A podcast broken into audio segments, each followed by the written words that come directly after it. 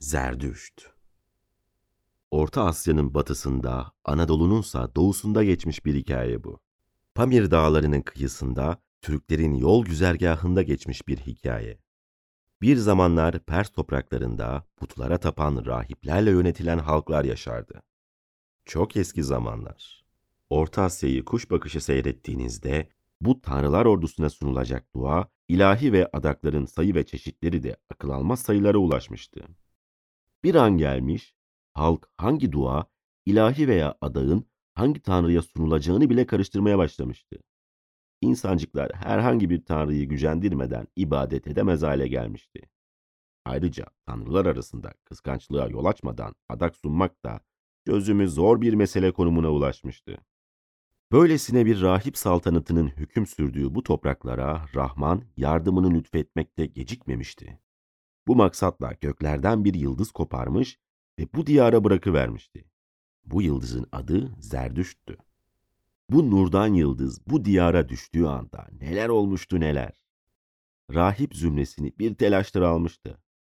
Hele İran sihirci başısı Durasa'nın hali görülecek şeydi. Korkusundan tir tir titremeye başlamıştı. Zira doğan çocuğun büyüdüğü vakit sihri ve putperestliği silip atacağı ve bütün sihirbaz ve büyücülere dünyayı zindan edeceğini pek iyi bilmekteydi. Zira o yıldızı o diyara bırakmış olan Rahman, onun gönlüne de bu korkuyu nasip etmişti. Hem de nasıl. Onun için bu çocuğun tez zamanda katledilmesi gerekliydi. Onu kaçırıp kendisine getirsinler diye üç rahibini alelacele yola salmıştı ve muradına da ermişti. Kundağına sarılı Zerdüştü, daha önce sunakta yatırmış olduğu ateşin içine büyük bir zevkle atmış ve sonra da rahipleriyle birlikte orayı terk etmişti. Böylece sorunu kökünden hallettiğini sanmıştı. Ama yanılmıştı. Evine gelip de yavrusunu göremeyen anacığı tanrıların yardımına başvurmak üzere derhal ateş tapınağına koşmuş ve orada büyük bir sürprizle karşılaşmıştı. Yavrusu ateşin ortasında alevlerle oynamaktaydı. Planının akamete uğradığını gören Dorasan, üç rahibini tekrar yanına çağırmış ve çocuğu bu kez hayvan sürüsünün geçeceği bir yere bırakmalarını emretmişti. Emir derhal yerine getirildi. Ancak ne var ki bu kez de bir başka sürprizde olay cereyan etmişti. Sürü başı olan iri inek hızla koşup bebeğin üzerine bacaklarını germiş ve sürü oradan geçinceye kadar böylece kalmıştı. Zerdüş yine kurtulmuş ve az sonra da kendini anacığının kolları arasında bulmuştu. Sihirci başı iyice telaşa kapılmıştı. Üç gün, üç gece düşünüp sonunda harika bir plan kurmuştu. Bu kez muhakkak surette başarıya ulaşacaktı. Bebeği kurt inine bırakacaktı ve bırakmıştı da. Avdan eli boş olarak dönmüş olan kurtlar inlerine girdikleri vakit yabancı bir varlığın kokusunu almışlardı. Ne güzel bir hazır ziyafetti bu. Ama bebeğe doğru bir adım atar atmaz hepsinin de ayakları birden yere yapışıvermiş ve adeta donmuşçasına oldukları yere kala kalmışlardı. O sırada aniden iki iri memeli keçi zuhur etmiş ve gelip çocuğu bir güzel emzirmişlerdi. Halkın gönlünde yoğrulup şekillenmiş nice öyküden birini anlattık size. Size sunulacak bir diğer öykümüz daha var. Hem de ezoterik anlamda yazılmış bir öykü. Ama bunu şimdi değil, çalışmamızın ileriki bölümlerinde sunacağız. Şu ana kadar kalemimizin ucundan dökülmüş olan şu birkaç satırda Zerdüşt'e ve onun vatanına ilişkin olarak söylenmiş olanları naklederken acayip bir duyguya kapıldık. Sanki binlerce yıl sonra Orta Doğu'da zuhur edecek olan kitaplı bir peygamberi ve onun vatanını tasvir ediyormuşuz gibi geldi bize. Kuzeyi cimri topraklarla kaplı olan, güneyi ise latif bir iklime sahip bulunan bir vatan.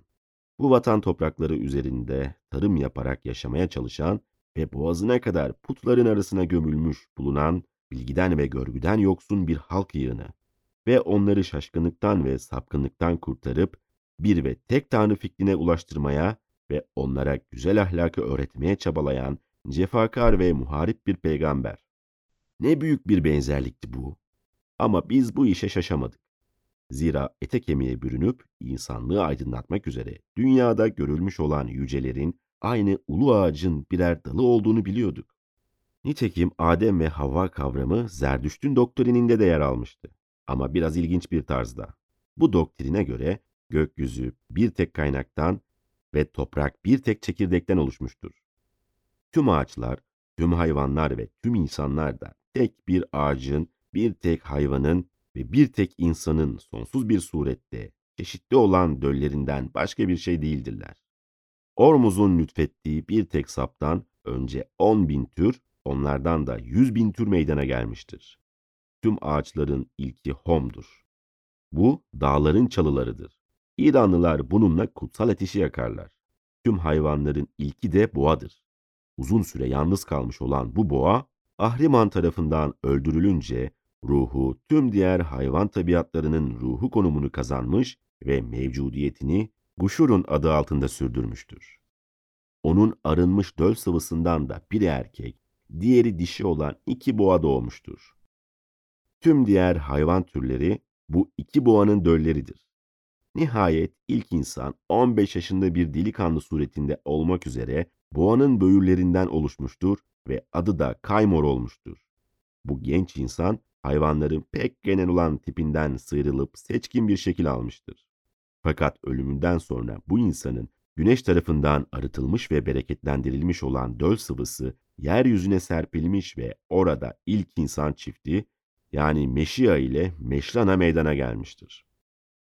İlk atalarımız olan bu çift, bolluk ve haz yeri mesabesindeki tüm alemden daha güzel olan ve behişte yani göksel cennete benzeyen yer küresel cennette mutlu bir hayat sürerken Ahriman onlara tebelleş olmuş. Onların ruhunu kuşatmış ve hayatlarını alt üst etmiştir.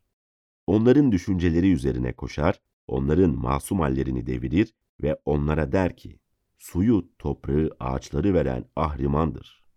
İşte başlangıçta Ahriman onları böyle aldattı ve sonuna dek de onları kandırmaya çalıştı. Peki aynı konuda Zerdüş ne demişti acaba?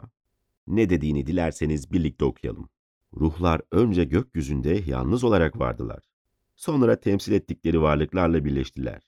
Daha sonra bu yer küresel hayat sırasında tabiata katıldılar ve kendilerine kötü cinlerin etkisine karşın savaşma ödevi yükletildi.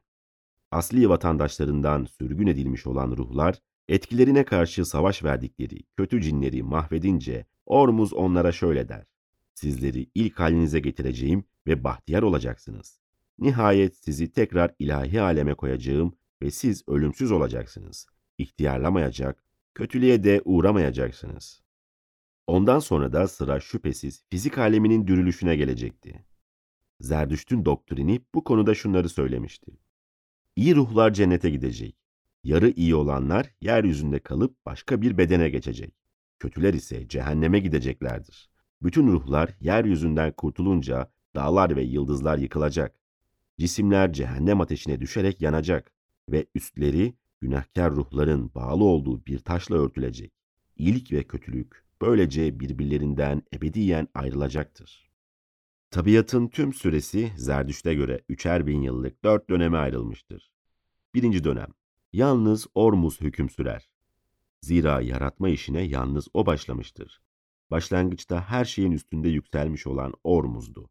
En yüce bilgiyle, aralıkla alemin nuru içindeydi.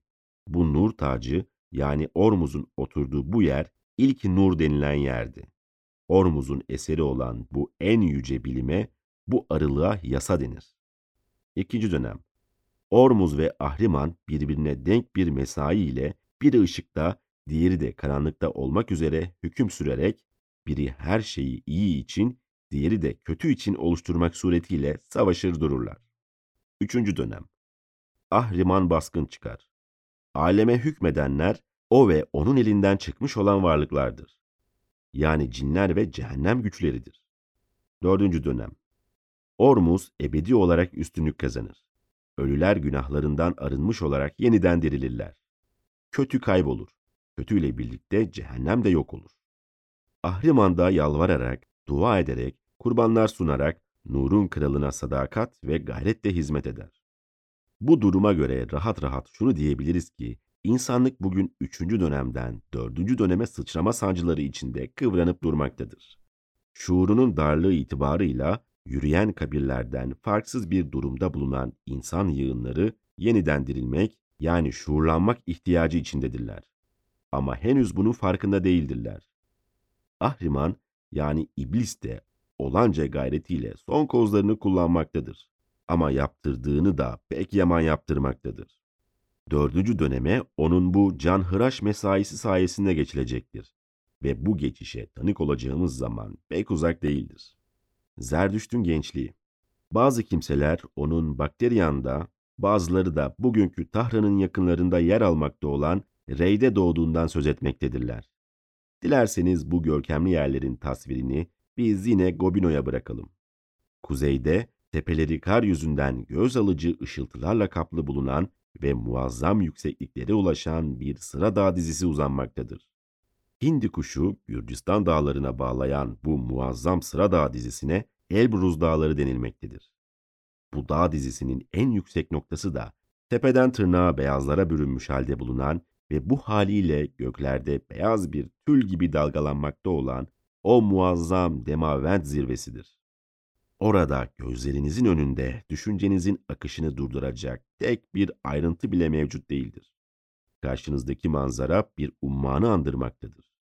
Harika renkli bir ufuk, berraklığını ve parlaklığını ne sözün ne de fırçanın tasvir edemeyeceği bir gök, gitgide yükselen dalgalar halinde ilerleyerek Elbruzlara tırmanan ve onların ihtişamı içinde kaybolan bir ova. Zaman zaman toz hortumları oluşmakta ve hortumlar döne döne mavi göklere doğru yükselmekte. Sonra gök kubbeye çarpmışçasına yalpalanmakta ve ardından da dağılıp gitmektedir. İnsanların kolay kolay unutamayacağı bir tablodur bu.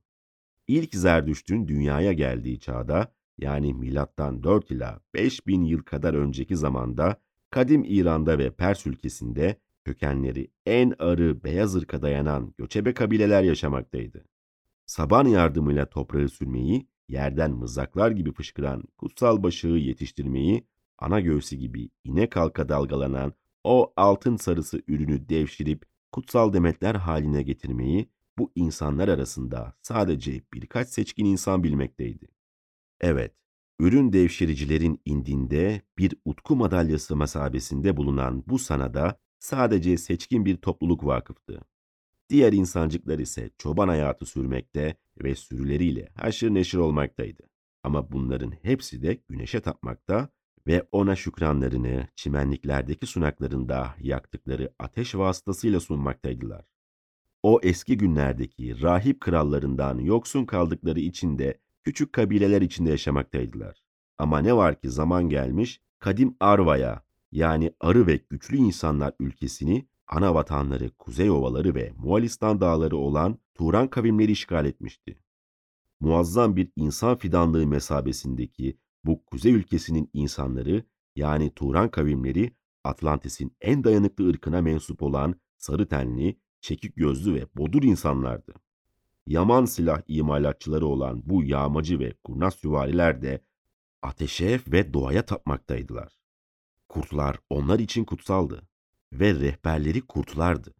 Ama şüphesiz ruhları aydınlatan ve kabileleri birbirine yakınlaştıran şu semavi ışığa değil, tam tersine kara büyünün babası gücündeki ateşe, yani murdar unsurlara bulaşmış bulunan dünya ateşine, başka bir ifadeyle söylemek gerekirse, haşin arzuları körüklemek suretiyle insanda servete kavuşma ve hemcinslerine hükmetme tutkusuna hayat veren ateşe tapmaktaydılar. Bunlar kendilerini karanlık güçlere adamış insanlardı. Arya tarihi, Turan kavimlerine karşı yürütülmüş mücadeleler tarihidir. İlk istilaların sarsıntısı altında Ari kabileleri darmadağın olmuş ve Yağız atlıların üzerinde savaşan sarı tenli süvarilerin önünde sanki bir iblis ordusuyla yüz yüze gelmişçesine kaçacak delik aramışlardı. En dik kafalıları dağlara çekilip direnmiş, diğerleri ise boyun eğip galiplerin boyunduruğunu ve o tefessüh etmiş durumdaki dinini kabullenmek zorunda kalmışlardır. İşte bu olayların cereyan ettiği sıralarda Elbruz dağlarında yaşamakta olan kabilelerin birinde kökeni kadim bir kraliyet ailesine dayanan Askarp adlı bir çocuk doğmuştu. Delikanlılık çağına eriştiğinde Askarp günlerini manda avlamakla ve Turanlılara karşı savaşmakla geçirmişti. Akşam olup da çadırına çekildiğinde bu yoksul kral çocuğu bir zamanlar kudretli Yima tarafından kurulmuş olan o kadim krallığı yeniden diriltip canlandırmayı sık sık hayal eder olmuştu. Ama ne var ki bu çevre hatları bir türlü belirginleşemeyen bir hayal olmaktan öteye geçememekteydi. Çünkü onun zafere ulaşmasını mümkün kılacak ne atı vardı, ne adamı, ne silahı, ne de gücü.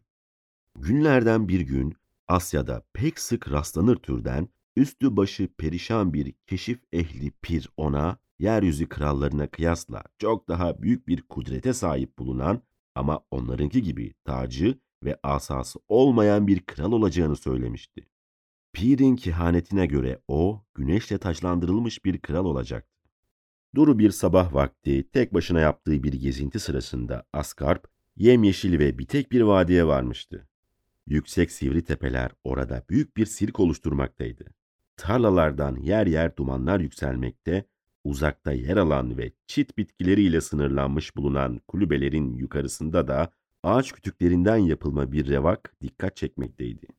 Diz boyu otlarla, vahşi çiçeklerden oluşma, yeşil bir halının ortasından bir ırmak akmaktaydı. Arkas bu ırmak boyunca yoluna devam etmiş ve reçine kokulu bir çam korusuna varmıştı.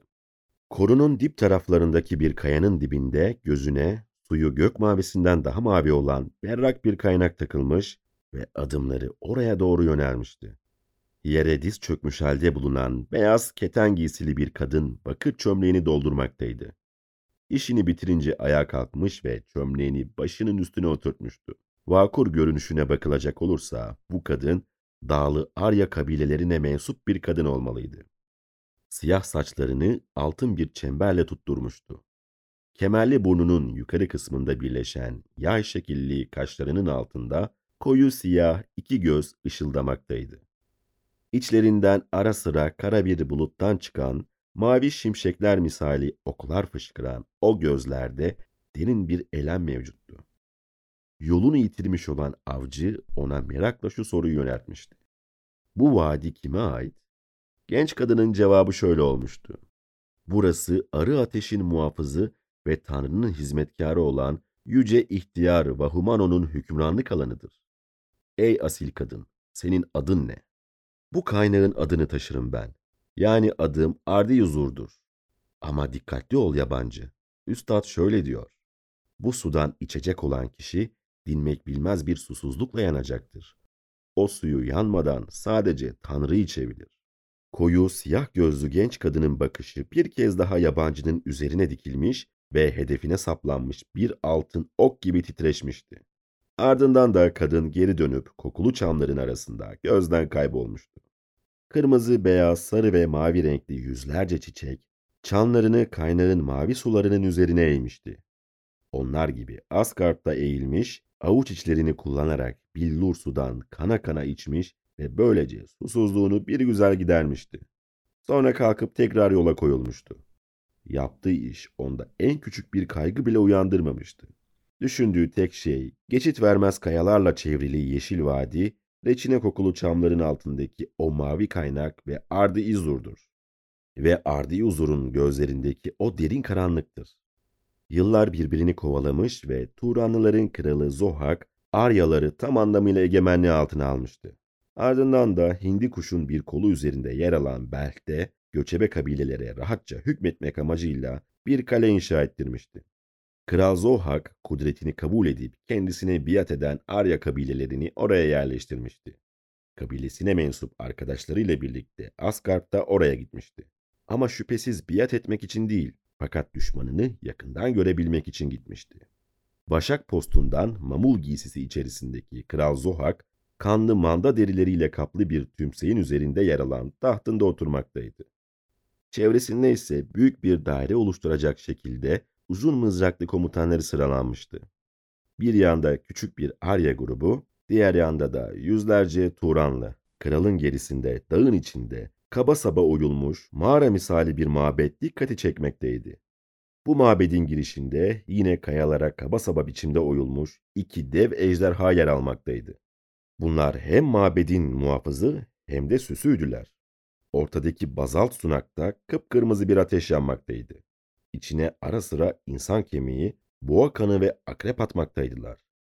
Bu ateşin gerisinde zaman zaman iki koca yılan belirmekte ve ısınmak üzere sunağın yakınına gelip çöreklenmekteydiler. Bu yılanların ejderinkiler gibi ayakları ve hareketli ibiyi andırır etli tepelikleri vardı. Bunlar tufan öncesi uçan sürüngenlerin son örnekleriydiler ve iki rahibin sopalarıyla yola gelmekteydiler. Bu mabet karanlıkların kralı ve Turanlıların tanrısı olan Angra Manyu'ya vakfedilmiş bir mabetti. Kabilesine mensup kandaşlarıyla birlikte Arkasp huzura henüz varmıştı ki savaşçılar Kral Zora'nın karşısına kadın bir tutsak getirmişlerdi. Çok güzel ve yarı çıplak durumda bir kadındı bu. Giysi olarak üzerinde belini örten bir bez parçasından başka bir şey yoktu. Ayak bileklerindeki altın halkalardan bu kadının asil bir kadın olduğu anlaşılmaktaydı. Elleri arkasına bağlıydı ve beyaz teni kan lekeleri içindeydi. Boynunda da sırtının ve çarpıntılı göğüslerinin üzerine dökülen o karma karışık saçları kadar siyah olan at kılından örülme düğümlü bir urgan dikkati çekmekteydi. Onun çamlar altındaki kaynağın yanında rastladığı kadının ta kendisi olduğunu Arkasp derhal kavramıştı. Evet, Arduzur'un ta kendisiydi. Ama ne kadar da değişmişti. Yüzü elemden kül rengini almıştı. İçinden nazar okları fışkıran o güzel gözleri ise iyice donuklaşmıştı. İstemeye istemeye başını öne eğmiş durumda beklemekteydi. Kral Zohak şöyle haykırmıştı. Bu kadın Elbruz Dağı'nda esir aldığımız asi Arya kadınlarının en vakurudur. Onu en liyakatlinize sunacağım. Ama ona sahip olmak isteyen kişinin kendisini Angramanya'ya adamasını yani kanını ateşe akıtmasını ve boğa kanı içmesini şart koşuyorum. O kişinin ayrıca başını ayaklarımın altına koyarak bana sürekli sadık kalacağına dair yemin etmesini de istiyorum. Kim Arduzur'u almak ve kendisine köle edinmek istiyorsa bu şartlarımı yerine getirir.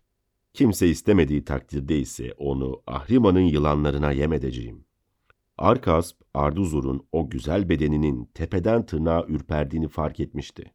Ardından turuncu tenli ve çekik gözlü bir Turanlı komutan öne atılıp ateşin ve iki yılanın önüne kanını akıtmış, sonra da başını Zohak'ın ayakları altına koyup sadakat yemin etmişti.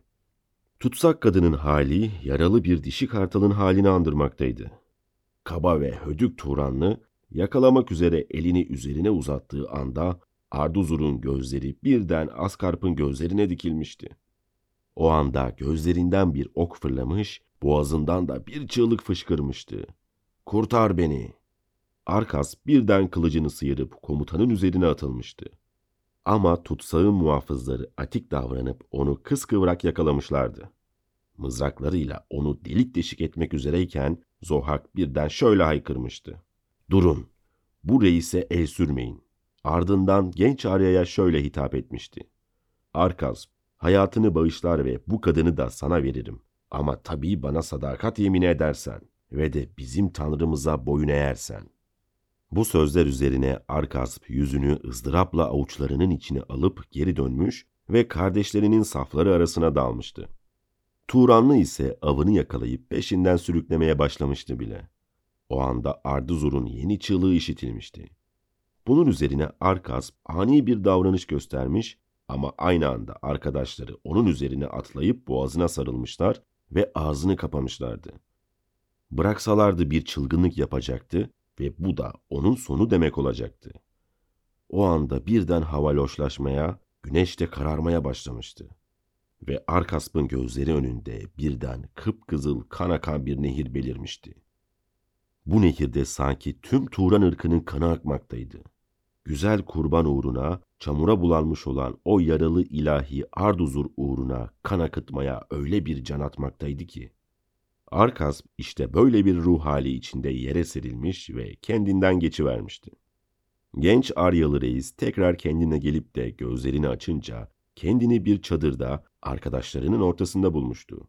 Uzakta da gözüne bir atın eğerine bağlanmış durumda bir kadın ilişmişti. Az sonra bir süvari gelmiş, ata atlayıp kadını sımsıkı sarmış ve dört nala yola koyulmuştu. Ardına da ellerinde uzun mızraklarıyla Yağız atlı Turan süvarileri takılmıştı. Birlik süvarileriyle ve atlarıyla birlikte çok geçmeden gözden kaybolmuştu. O anda Arkasp'ın kulaklarına o reçine kokulu çamların arasındaki Arduzur'un kendisine söylediği sözler çınlamıştı. Bu sudan içecek olan kişi dinmek bilmez bir susuzlukla yanacaktır. O suyu yanmadan sadece Tanrı içebilir. Damarlarındaki kan da yanmaktaydı. Kemiklerindeki ilik de. Onu bu hale koymuş olan şey, ondan neşet bulmuş olan öç alma ve adaleti yerine getirme hırsıydı. Işığa ve hakikate ulaşma arzusuydu. Arduzuru ve ırkının selamete çıkarmasını mümkün kılacak olan kudrete kavuşma aşkıydı. Atı dağ tepe demeden adeta karnı yere yapışırcasına dört nala koşmuş ve sonunda Arkasp'ı tekrar Elbruz dağlarına ulaştırmıştı. Karlı tepeler arasındaki bir sürü kayayı aştıktan sonra çiçekli otlarla kaplı vadinin yolunu bulmuştu. Ahşap kulübelere yaklaştığı sırada kanter içinde kalmış atların çektiği sabanla toprağı süren çiftçiler gözüne takılmıştı. Sabanın alt üst edip izler boyunca yana yığdığı topraktan etrafa nefis bir koku yayılmaktaydı. Tarlaların orta yerinde bulunan taştan mamul bir sunağın üzerinde iki ağzı keskin bir kılıç yatmaktaydı. Onun da üstünde haç şeklinde bir demet çiçek yer almaktaydı. Bu manzara karşısında Arkasp'ın içini kemiren kaygılar dağılıvermişti. Çok geçmeden o yüce ihtiyarı yani Vahumano'yu çadırında kabilesini adaletle yönetir vaziyette bulmuştu. Gözleri karlı tepelerin ardından yükselen o gümüş renkli güneşi andırmaktaydı. Yeşilimsi beyaz renkli sakalı ise Elbruzların eteklerindeki o ihtiyar sedirleri sarıp sarmalayan likenlere benzemekteydi. Yabancıyı gören yüce ihtiyar ona şu sözleri yöneltmişti. Ne istiyorsun benden? Arduzur'un Kral Zohak tarafından kaçırıldığını pek hala biliyorsun. Bunun üzerine Arkasp da şöyle konuşmuştu. Ona belki reva görülmüş olan işkenceye tanık oldum. Şu an bir Turanlı'nın kölesi durumundadır. Senin bir bilge kişi olduğunu, güneş rahiplerinin son temsilcisi olduğunu söylemişlerdi bana. Yukarının tanrıları vasıtasıyla bilen ve onlar vasıtasıyla tasarrufta bulunanlardansın sen. Kendim için ışığın ve hakikatin, halkım için de adaletin ve özgürlüğün ne olduğunu senden öğrenmeye geldim. Yıllara meydan okuyacak kadar sabırlı mısın? Amaç ve mesain uğruna her şeyini terke hazır mısın? Zira henüz işin başındasın. Hayatın boyunca daha ne ıstıraplarla yüz yüze geleceksin. Bu yolda bedenim de canım da feda olsun. Yeter ki bana o ışığı ve o iki ağzı keskin kılıcı lütfet de Aryaları, istilacıların Arduzur'u da celladının elinden kurtarayım. Öyleyse sana yardım edebilirim demişti Vahumano. Bir süre için bizimle birlikte yaşa. Böylece kabilen mensuplarının gözünden ırak kalmış olursun. Seni tekrar gördüklerinde zor tanıyacaklardır. Zira aramızda başka bir insan olacaksın. Bugünden itibaren adın artık Arkas değil, Zaratustra olacak. Bu isim altın yıldız veya güneşin ihtişamı anlamını taşımaktadır. Böylece sen her şeyi bilen aylası ve kainatın hayattar ruhu muhasebesindeki Ahura Mazda'nın havarisi olacaksın. Zerdüşt'ün Vahumano'ya şakir oluş vakiyası işte böyle cereyan etmişti. Güneş rahibi olan ve Atlantis kaynaklı bir tradisyona sahip bulunan yüce ihtiyar, Şakir dine, ilahi bilimle dünyanın o andaki hali konusunda bildiği şeyleri öğretmişti. Vahumano ona şöyle demişti. Seçilmiş Arya ırkı, Turanlıların mukadder boyunduruğu altına girmiş durumdadır. Bundan sadece birkaç dağlı kabile müstesna kalabilmiştir. Ama bu ırkı bütünüyle işte bu birkaç kabile kurtaracaktır. Turanlılar Ahriman'a tapmaktadırlar ve onun boyunduruğu altında yaşamaktadırlar. Ahriman da kim? Yer ile gök arasındaki sayısız denecek kadar çok ruh vardır, demişti ihtiyar. Bunların şekilleri de sayısız denecek kadar çeşitlidir. Sonsuz sınırsız cennetin de, dipsiz cehennemin de dereceleri mevcuttur. Meşalenin kavurucu ateşini tüm mahlukatın içine akıtmak üzere kendini uçurumun dibine atmış olan ve Adar Asur veya Lucifer diye anılan kudretli bir baş melek vardır. Bu melek gururun ve arzunun feda edilmiş en büyük kurbanıdır ve hem kendi varlığında hem de uçurumun dibinde tanrısını arayıp durmaktadır. Gerçi feda edilmiştir ama buna rağmen ilahi anısını yine de muhafaza etmektedir ve bir gün vaktiyle elinden kaçırdığı tacına yani yitirdiği yıldızına tekrar kavuşacaktır. Lucifer ışığın baş meleğidir. Ahriman'a gelince o Lucifer değildir. Sadece onun gölgesi ve arka yüzüdür. Yani karanlık işlerle görevli çetelerin reisidir. Dünyaya ihtirasla yapıştığı için cenneti inkar etmekte ve tahripten başka bir şey bilmemektedir. Ateş sunaklarını murdar eden de odur. Yılan ayinini tesis eden de odur. Kıskançlık ve kin ile kötü eğilimleri, zulmü ve kan dökmeyi, öfkeyi üretip yaygın hale getiren de odur. O şu anda Turanlılara hükmetmekte ve onların uğursuz dehalarını kendine cezbetmektedir. Arı ve güçlü ırkı kurtarmak için asıl onunla savaşmak ve onu dize getirmek gerekir. Ağını karanlıklarda ören bir görünmezle nasıl savaşılır? Hara Berazatti Dağı'nın ardında doğan güneşe doğru yönelmek suretiyle. Onun için Sedir Ormanı vasıtasıyla yukarılara tırmanıp uçurumu kuş bakışı gören Kartal Mağarası'na ulaş. Orada sabahları dimdik sivri tepelerin ardından güneşin doğuşunu seyret. Gündüz vakti güneş tanrısına kendini sana göstersin diye niyazda bulun. Gece vakti ise onu bekle ve gönlünü yıldızlara doğru muazzam bir lir gibi aç. Tanrı'yı beklerken çok zaman harcayacaksın. Çünkü Ahriman hep aranıza girip irtibat kanalını tıkamaya çalışacaktır. Ama bir gece asude hale eriştiğinde gönlünde birden bir başka güneş doğu verecektir. O güneş Berazati tepelerini tutuşturan şu bildiğin güneşten çok daha parlak bir güneştir. O Ahura Mazda güneşidir.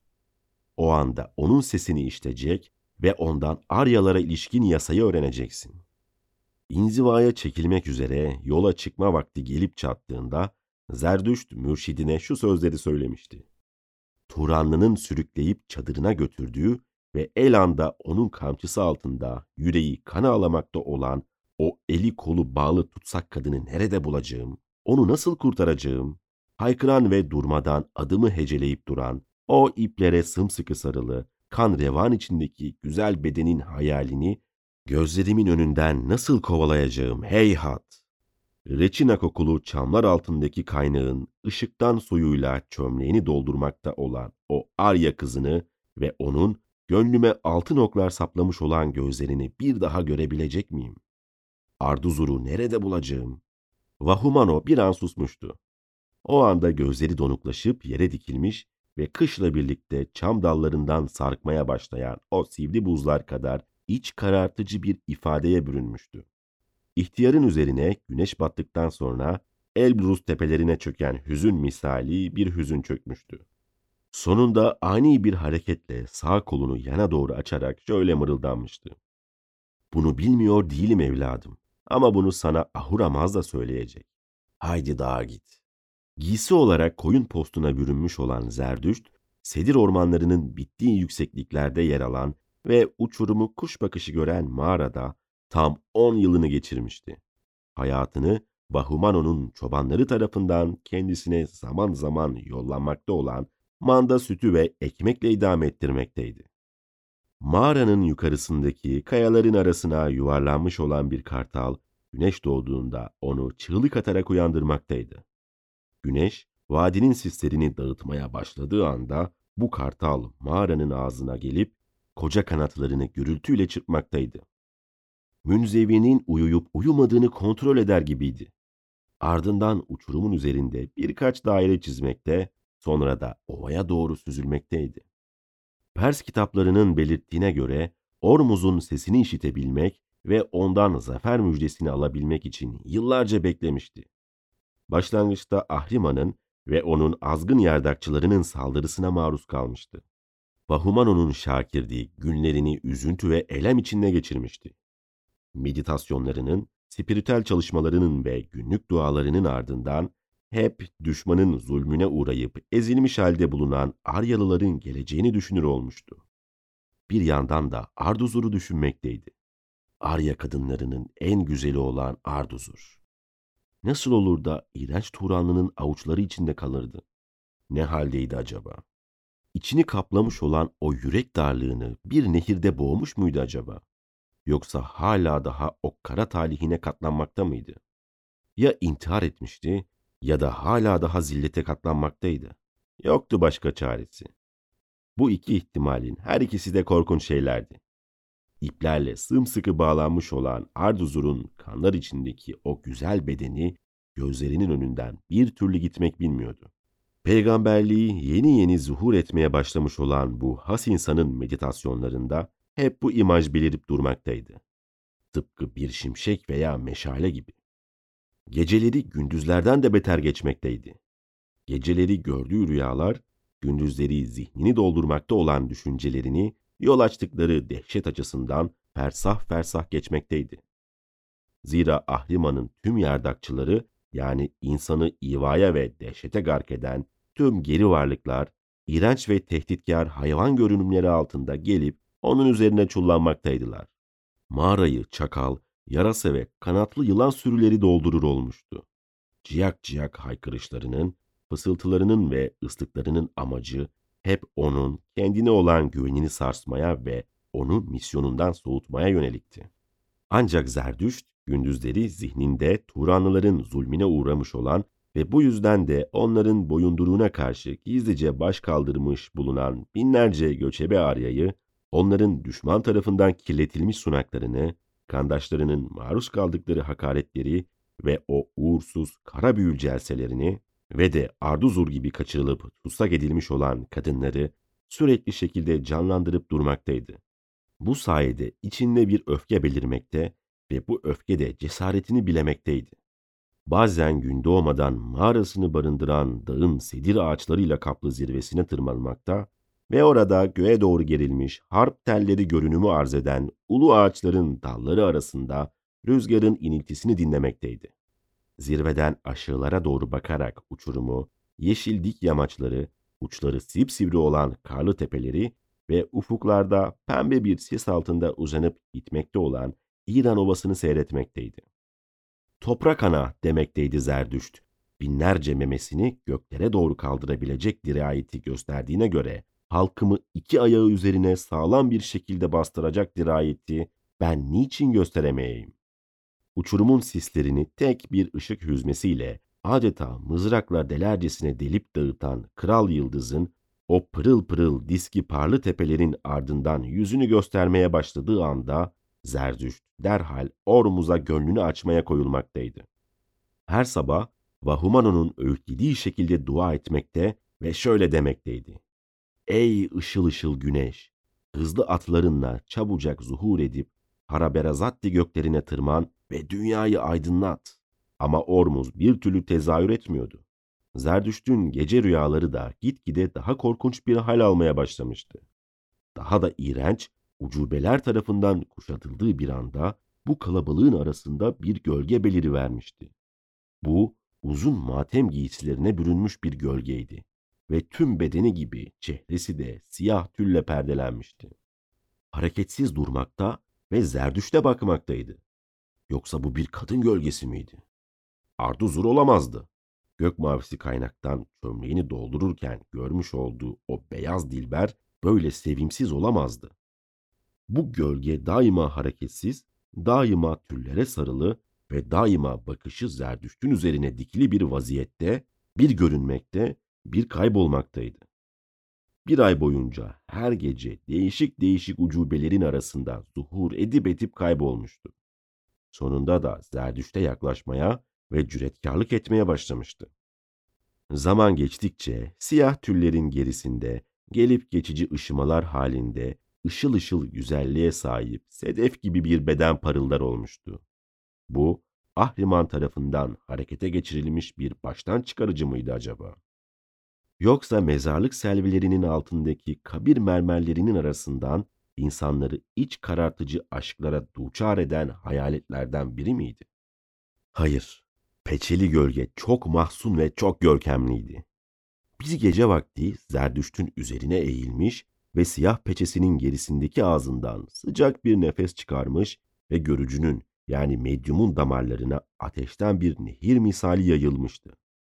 Kuru yapraklardan yapılmış bir yatakta ve manda derisinden yapılmış yorganın altında yatmakta olan Zerdüşt, ecel terleri içinde uyanmıştı.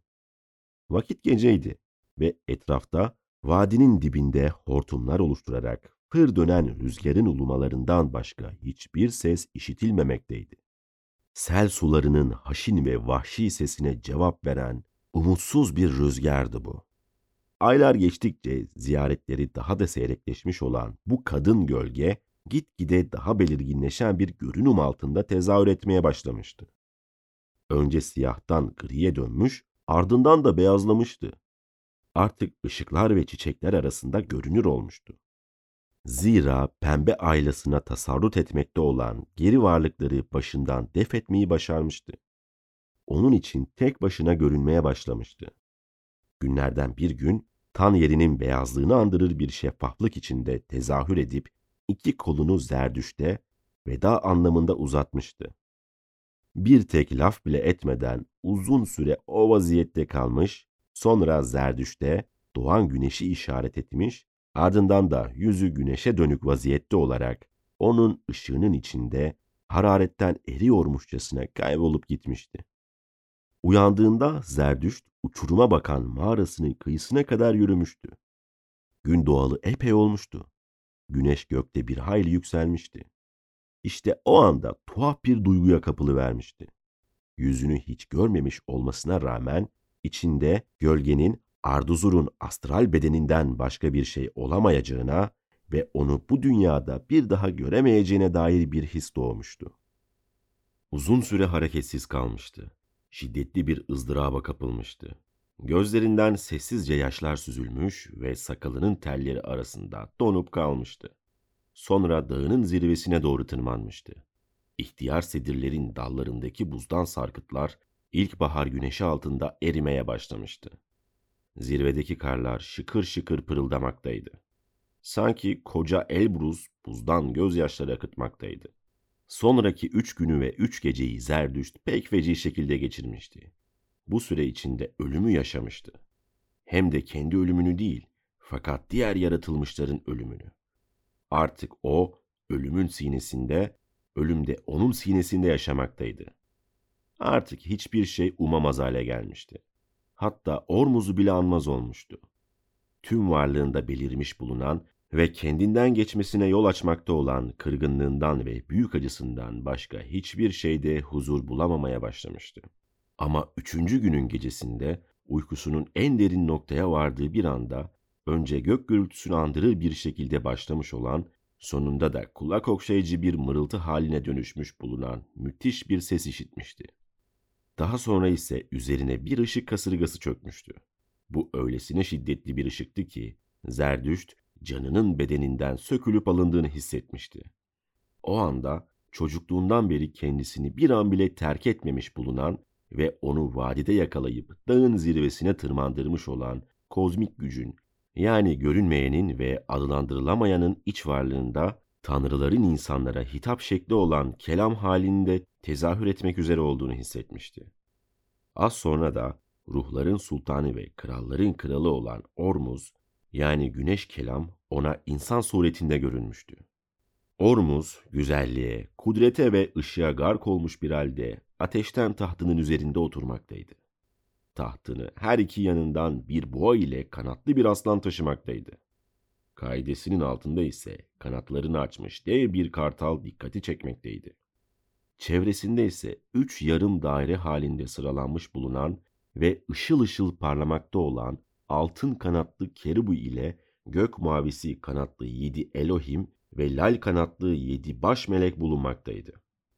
Ormuz'dan zaman zaman bir şimşek sadır olmakta ve her üç alemi de ışıklara gark etmekteydi. O anda kerubilerde, Elohimlerde, baş meleklerde, tıpkı Ormuz gibi kar ışıltısı misali ışıl ışıl olmaktaydılar. Hemen ardından da asıl renklerine dönüvermekteydiler.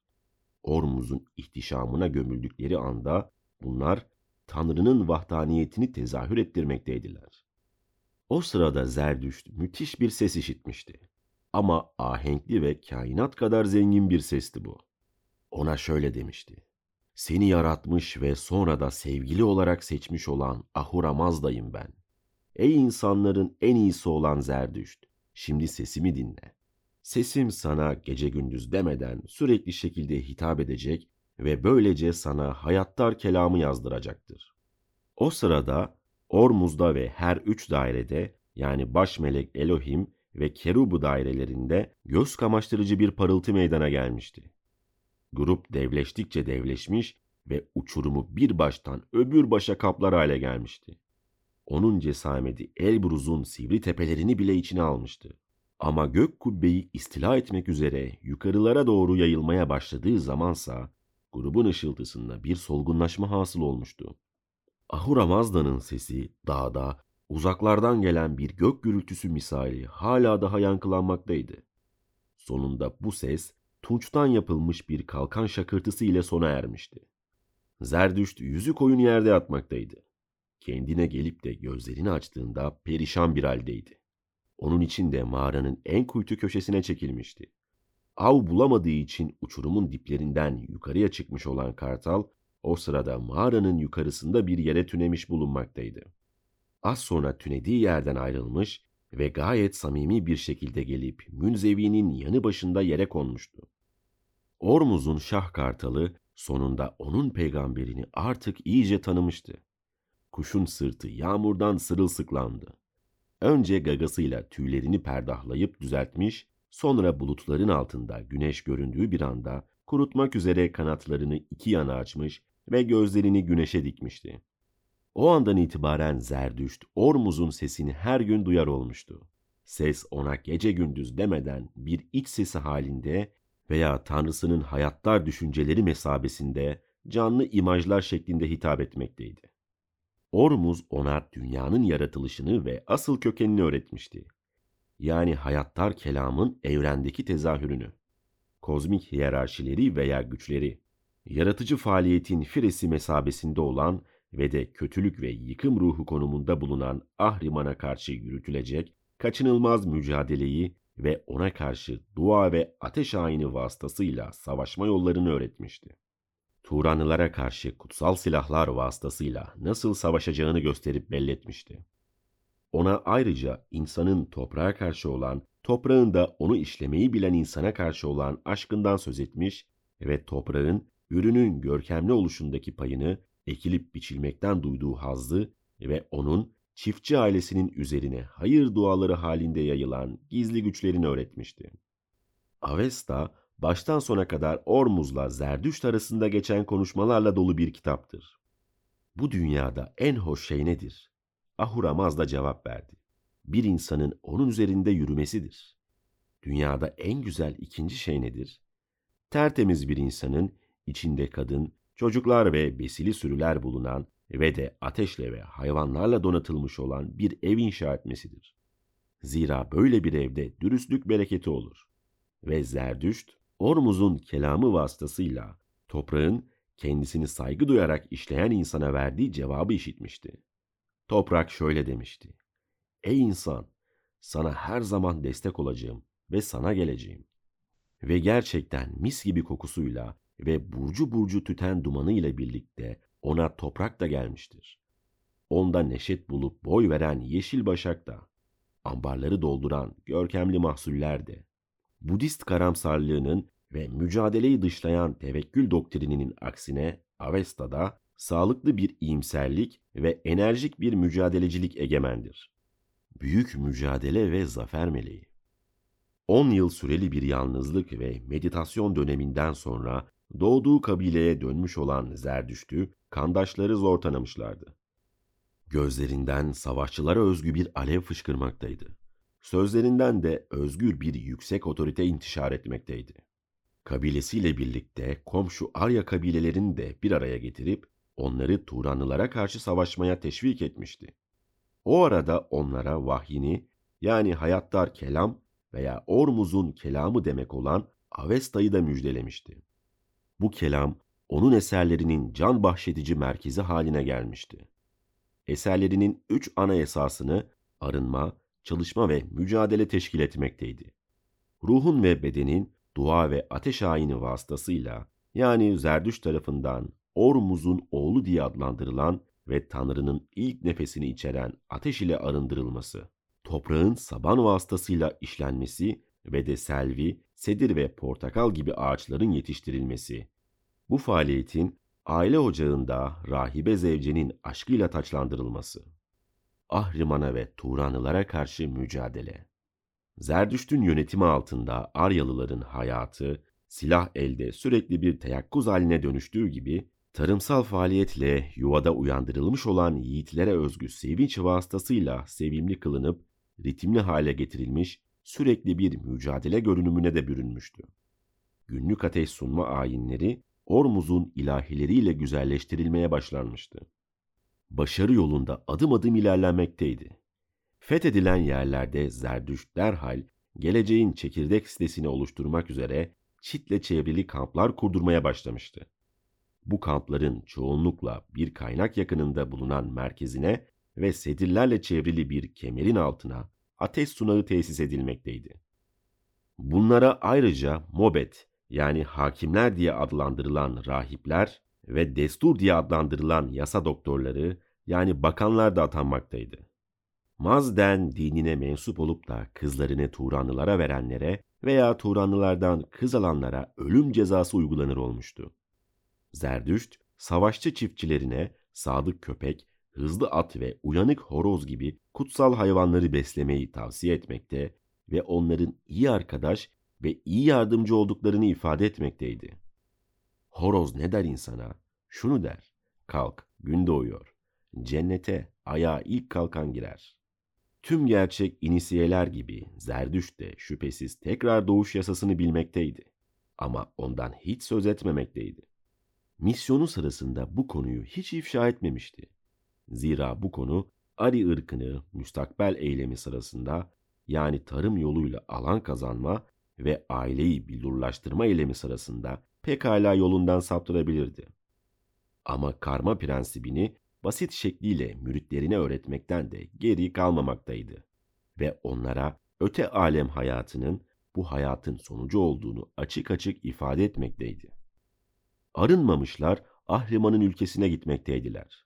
Arınmışlar ise elmas kadar parlak ve kılıç kadar keskin olan ve de Ormus tarafından inşa edilmiş bulunan ışıktan bir köprünün üzerinde yol almaktaydılar. Bu köprünün yukarılarında onları 15 yaşındaki bir bakire kadar güzel bir melek beklemekteydi. Ve onlara şöyle hitap etmekteydi. Ben senin eserinim, senin gerçek benliğinim, bizzat senin tarafından yontulup şekillendirilmiş olan öz varlığınım. Zerdüşt'ün iç varlığında yine de söze dile sığmaz bir elem yatmaktaydı.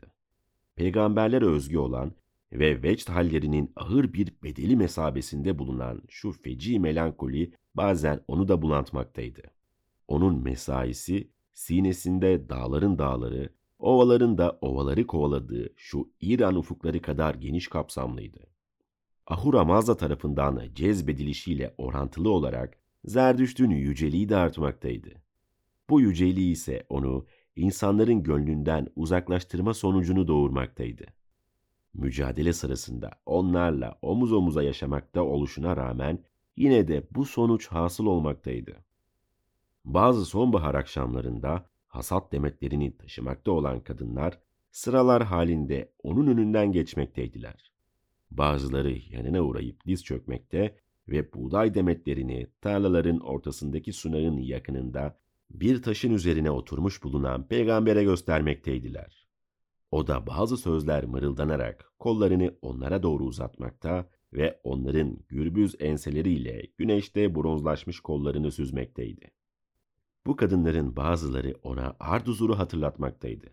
Fakat gök mavisi kaynaktan çömleğine ışık doldurmakta olan o bakirenin sahip olduğu o ışıl ışıl beyazlığa hiçbirisi sahip değildi. Onun tavırlarındaki o vakar hiçbirinde mevcut değildi. Hiçbirinin yüzü onun o kral kızlarına yakışır güzellikteki yüzüne, hiçbirinin bakışı da onun o kartallara özgü bakışına benzememekteydi. Hiçbirinin sesinde o teşhir edici tını yoktu. Onun sesi hala daha kulaklarında çınlamaktaydı. Kurtar beni. Ama ne yazık ki onu kurtaramamıştı. Onun eseri felakete uğramış bir kadının çığlığı sayesinde çiçeklenmişti. Ama o, Ardüzur, nerede mumlar misali eriyip gitmekteydi acaba? Yaşıyor muydu? Yoksa ölmüş müydü? Her şeyi bilen Zerdüşt bir bunu bilemiyordu. Bütün yalvarmalarına, yakınmalarına rağmen Ahura Mazda bunu ona yine de ifşa etmemişti. Bu sır ile onun arasına koyu bir perde koymuştu.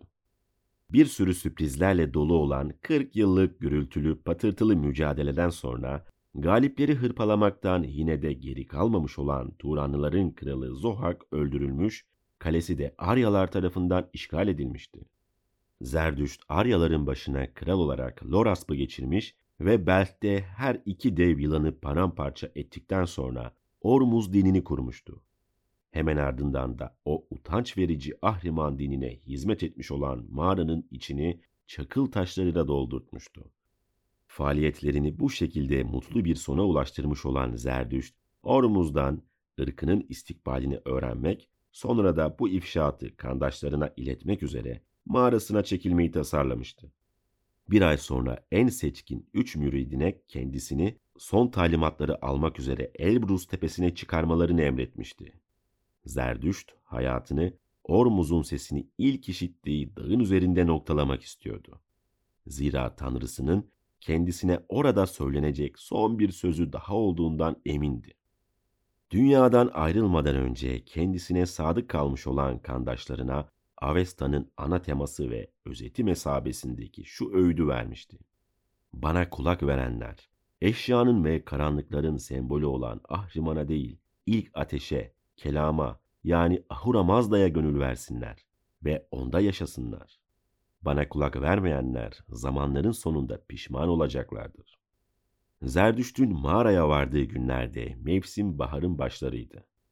Elbruz'a hala daha kar yağmakta ve beyaz tepelerin aşağılarındaki sedir ormanlarında haşin bir rüzgar esmekteydi. Onu oraya götürmüş olan çobanlar ateş yakıp onu yalnız başına bırakmışlardı. Yorgun ve hayata doymuş durumdaki peygamber, kırmızı ve parlak alevlerin reçineli odunların üzerindeki raksını seyrederek düşünmeye başlamıştı. Tüm hayatını zihninde canlandırmış ve sonra bir tablo seyreder gibi seyretmeye koyulmuştu. Hayatı yüz kıvrımlı ve bin kollu koca bir nehri andırmaktaydı. Ve o bu nehri kaynağından başlayıp ta ağzına kadar incelemişti. Tepelerin berrak deresi önce geniş bir ırmak haline gelmiş, bu ırmak daha sonra ise kumlar üzerinde akan ve yarlara çarpa çarpa köpüren bir nehir haline dönüşmüştü. Ve şimdi de görkemi okyanusun enginliklerinde kaybolmak üzereydi. Görev yerine getirilmiş ve Aryalar özgürlüklerine kavuşmuştu. Ama Arya ırkı bundan sonra ne yapacaktı? Gece basmak üzereydi. Hava soğuktu. İhtiyar peygamber ateşin yanında tir tir titremekteydi. O sırada birden şöyle haykırmıştı. Ey Rabbim, Ormuz, işte hayatımın son demine vardım. Varımı yoğumu terk ettim. Her şeyimi halkımın uğrunda harcadım. Sesine itaat ettim. Zerdüşt olabilmek için Arkasp, ilahi Arduzur'dan vazgeçti. Ve üstelik Zerdüşt Arduzur'u bir daha göremedi. O, uzayın enginliklerinde kaybolup gitti ve Rab Ormuz onu bir daha peygamberine iade etmedi. Özgür erkekleri ve vakur zevceleri olsun diye her şeyimi halkıma feda ettim. Ama bu kadınların hiçbirinde Arduzur'un ihtişamı yok. Onun gözlerinden fışkıran o altın renkli aleve bu kadınların hiçbiri sahip değil. Irkımın istikbalini görmeyi ne kadar isterdim. Bu sözleri mırıldandığı sırada Zerdüşt uzaklardan gelen bir gök gürültüsünü işitmişti. Bu gürültüye binlerce bronz kalkanın şarkısı eşlik etmekteydi. Az sonra gürültü büyümüş ve sonunda korkunç bir hal almıştı. Tüm dağlar tir tir titremeye başlamıştı. Öfkeli tanrının sesi Elbruz dağını kökünden söküp atmak istemekteydi. Zerdüşt'ün elinden Ahura Mazda diye bağırmaktan başka bir şey gelmemişti. Ve dehşete kapılmış olan peygamber göksel sesin etkisiyle derhal kendinden geçip yüzü koyun yere kapaklanmıştı. Zerdüşt Ormuz'u aniden ilk vahye nail olduğu günkü haliyle yani o günkü haşmetiyle görmüştü. Ama bu kez Feruer'den ve Amşapant'tan mamül tacı yoktu. Altında sadece ateşten tahtını taşıyan üç kutsal hayvan ışıldamaktaydı. Yani boğa, aslan ve kartal ışıldamaktaydı. Zerdüşt, Ormuz'un sesinin uzaya yuvarlana yuvarlana yayıldığını, kalbine de kulak delecek kadar tiz bir biçimde işlediğini hissetmişti. Sadece Tanrı'na ait olanı neden bilip tanımak istiyorsun demişti ses. Kelamın tüm düşüncelerini hiçbir peygamber öğrenememiştir. Ey insanların en iyisi olan Zerdüşt, Ahura Mazda'dan şüphe etme. Zira terazimde ben tüm varlıklarınkiyle birlikte senin kaderini de taşırım. Irkının kaderini bilmek mi istiyorsun? Asya halklarının tahtımı taşıyan o üç hayvanı ne yaptıklarını gör öyleyse. Ormuz'un ışıl ışıl vizyonu kayboluvermiş ve Zerdüşt zihin yoluyla istikbale nakledilmişti. Uzayda uçarken dağların ve ovaların hızla açılan koca bir kitabın sayfaları misali altından peş peşe ve süratle geçişini seyretmişti. Hazar denizine kadar uzanan İran'ı, Toroslara ve Kafkaslara kadar uzanan Pers ülkesini ve Basra körfesine kadar uzanan Mezopotamya'yı bir bir izlemişti.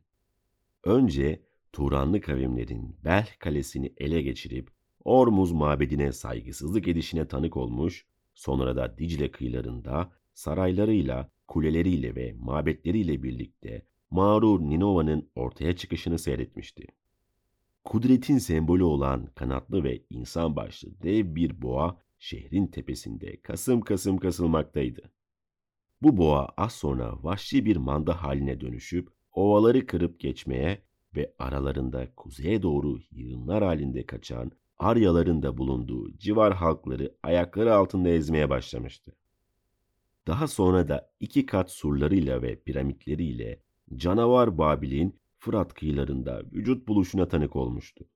Oradaki mabetlerin birinde çöreklenmiş halde uyuyan dev bir yılan takılmıştı gözüne. Göklerde uçmakta olan Ormuz'un kartalı yılanın üzerine pike yapmıştı. Ama yılan onu alevli nefesiyle avlayı vermiş ve ardından da zehrini tüm çevre halklarına akıtmak üzere yola koyulmuştu. En sonunda ise kanatlı aslanı Perslerden ve Medilerden oluşma bir ordunun önünde muzaffer bir tavırla yürür halde görmüştü. Fakat bu çöl kralı bir anda halkları yiyip yutan ve Nil kıyılarındaki güneş mabedinin diplerine kadar uzanıp oradaki rahipleri bile parçalayan yırtıcı bir kaplan haline dönüşü vermişti. Ve Zerdüşt murakabe halinden dehşet dolu bir çığlık atarak sıyrılmıştı. Aryaları yani ırkını tehdit eden istikbal buysa boşuna savaşmışım demek. Eğer böyle olacaksa hemen gidip bugüne kadar düşman kanına bulaşmamış olan bakir kılıcımı kuşanacağım ve onu sapına kadar Turanlı kanına bulayacağım. Gerçi ihtiyarım ama Zohak'ın oğullarını son ferdine kadar kılıçtan geçirmek üzere İran'a tek başıma gideceğim. Arduzur gibi Ahriman'ın kurbanı olmak pahasına da olsa gidip halkımı imha etmelerine engel olacağım. Bunun üzerine Ormuz'un sesi hafif bir mırıldanma gibi dev sedirlerin dalları arasında esen Meltem nefesi gibi tekrar zuhur etmiş ve şöyle demişti. Dur evladım, dur yüce Zerdüşt. Artık elin kılıcına gitmemeli. Zira günlerin tamamı erdi. Güneşin tepenin ardından yükselişini görme imkanını veren dağın tepesine çık. İstikbali demin insan gözüyle seyrettin. Şimdi de tanrıların gözüyle seyredeceksin. Ormuz'un adaleti yukarıda ışıldamaktadır ve seni zafer meleği beklemektedir. Ve Zerdüşt mağaranın yukarılarındaki dağa tırmanmıştı. Tepeye varınca bitkin bir halde sedirlerden birinin altına oturmuş ve günün doğuşunu beklemişti. Güneş, ak dorukların çevresindeki ormanın gerisinde göründüğü anda ihtiyar savaşçı tepeden tırnağa şiddetle ürpermişti. Karanlık uçurumun dibinden yükselen Ahriman'ın sesi şöyle demişti. Buna ölüm derler. Gökten gelen Ormuz'un sesi ise şunu vurgulamıştı. Buna yeniden diriliş derler. Zerdüşt'ün gözüne birden ayaklarının ucundan başlayıp göğe doğru yükselen ışıktan bir kemer takılmıştı. Bu ince kemer kılıç gibi keskin bir kemerdi ve elmas gibi parlamaktaydı bedeninden ayrılmış olan ve bir kartal tarafından uçuruluyormuş izlenimi veren astral bedeni yukarılara doğru fırlayıp gitmişti. Kemerin yukarılarındaki Tingat Köprüsü'nün üzerinde ışıktan bir giysiye bürünmüş olan çok güzel bir kadın durmaktaydı. etrafa vakar ve insanüstü bir sevinç saçmaktaydı. Omuzlarından iki ak yıldırım kadar ışıklı iki kanat fışkırmaktaydı. Peygambere birazı dışına da taşmış olan köpüklü bir içkiyle dolu bir kupa uzatmaktaydı.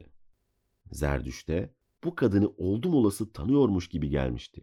Ama yine de kim olduğunu çıkaramamıştı. Harika tebessümünün parıltısı çehresini ne kadar da aydınlatmaktaydı. Ey harika kadın, kimsin sen? Ey benim mürşidim, beni tanıyamadın mı? Arduzurum ben. Ben senin hilkatinim, benliğinin ötelerine aitim. Senin ilahi plandaki bedeninim. Zira beni kurtarmış ve yaşamaya teşvik etmiş olan kişi sensin.